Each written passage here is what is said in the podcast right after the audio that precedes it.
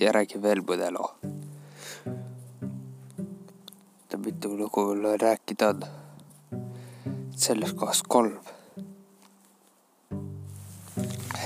esimene lugu. kalkul laps.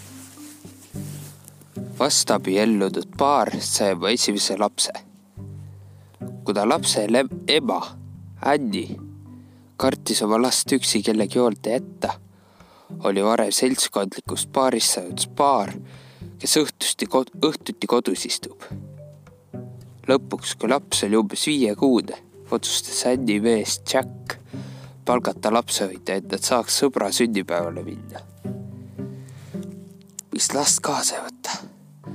kui vanemad olid läinud, kutsus lapsehoidja Peika külla, et nad saaksid, saaks koos pidu panna Nad jõid koos alkohoolseid jooke ja proovisid ka LSD-d, mida kumbki polnud varem tarbinud.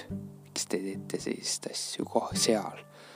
kui Anni helistas koju, et küsida, kuidas lapsega läheb, rääkis lapsehoidja talle ilusatest värvidest ja kalkunist, keda ta ahjus küpsetasid. Anni sai väga vihaseks ja ütles mehele, et läheks koju ja vaataks, mis seal toimub kui nad koju jõudsid, läks Jack, läks Jack külakorrusele, et laps ära tuua ja Andy läks küsima selgitust selle kohta, mida lapsehoidja enda telefonis öelnud oli. Jack tuli paanikas alla ja küsis, kus laps on. järsku tundsid nii Jack kui Andy, et midagi küpseb. Nad läksid kööki, tegid ahju lahti ja leidsid sealt oma ära küpsetatud lapse. oi, see on kurb lugu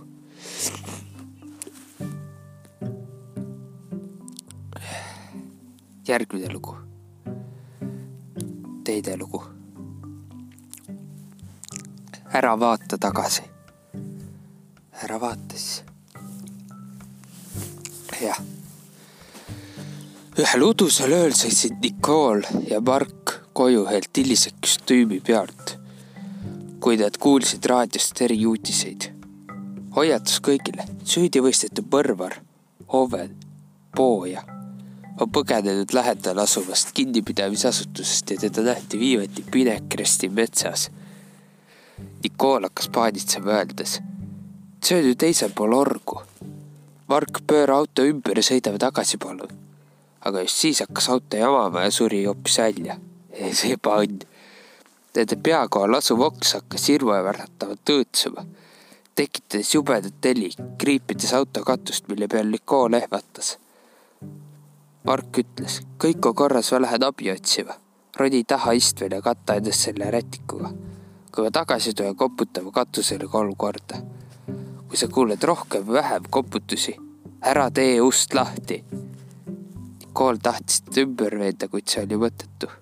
kuna Mark ütles, mida me siis peale hakkaks.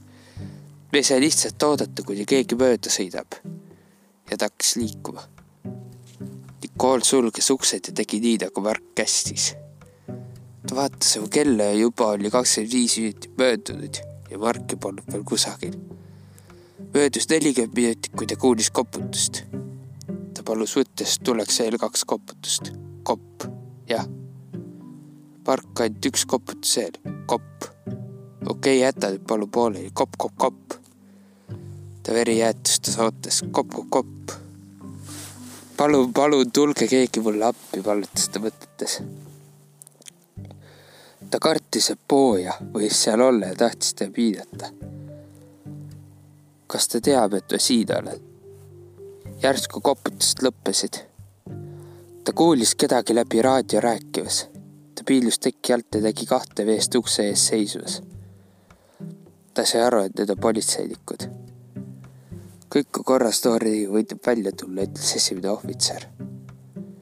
Nikooli värisev käsi leidis lõpuks võtmed üles avas uksed. ta küsis, kus Mark on. kas ta ei tulnudki teiega? teine ohvitser vastas, tulge palun autosse ja ärge vaadake tagasi. lihtsalt tulge minu järel ja vaadake ainult otse. miks sa tagasi ei või vaadata, küsis Nikool hämmastatult. lihtsalt tulge autosse, palun teid. Nikool ei suutnud tagasi hoida ja vaatas tagasi ta nägi Marki, ta kandis ikka valje dresse, rippus oksa küljes, mis ta auto kohal oli. üks tema ketsidest puudutas auto katust. kopp, kopp, kopp.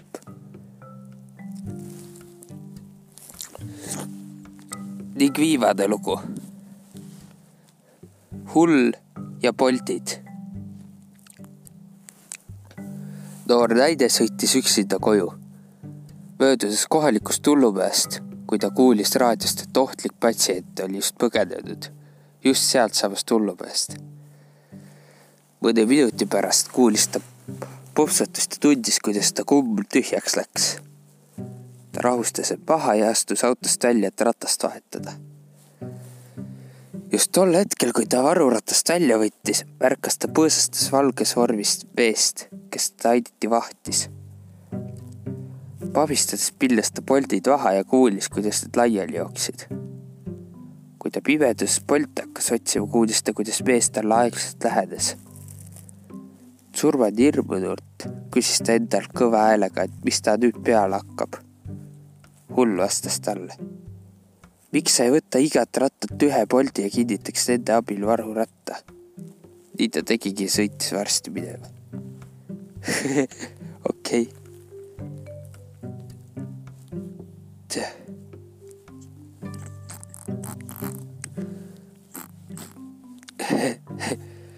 väga tark lugu oli see viimane. kohati, jah. ja ka seekord et jah. head aega, jälle nägemiseni ning ärge unustage mulle kirju ja teemasid saata, teemasoovitusi saata. nagu ikka, cookieplay.stuudios.gmail.com. kohtumiseni järgmisel nädalal, järgmisel neljapäeval. tšau.